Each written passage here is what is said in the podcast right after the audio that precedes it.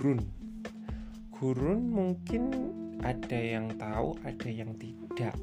Gurun itu sebuah padang pasir yang sangat luas. Biasanya terdapat di Asia Tengah, Asia Timur Tengah, eh, beberapa bagian di Eropa, dan di Australia bagian tengah. Mengapa sih ada gurun?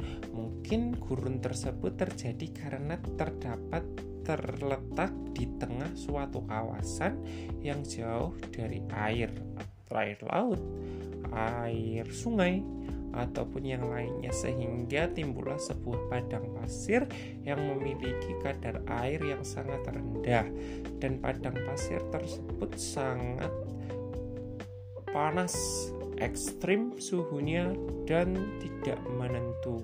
Namun kadang terjadi suatu peristiwa di mana padang pasir diselimuti dengan salju. thank you